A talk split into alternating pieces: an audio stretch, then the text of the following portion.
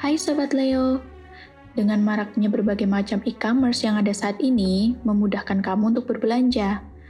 Aku cuma mau ingetin, kalau barang-barang yang ada di wishlistmu adalah barang-barang yang belum tentu kamu perlukan saat ini, maka jangan dibeli.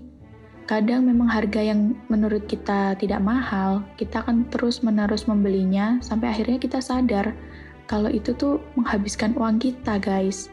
Jadi, kamu nggak mau kan kebingungan saat sedang membutuhkan uang suatu hari nanti?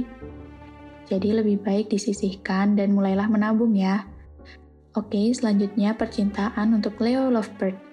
Aku nggak akan capek-capek ingetin kalau kalian nggak boleh iri dengan pasangan lain. Pasangan lain juga pasti memiliki permasalahan dalam hubungan mereka kok.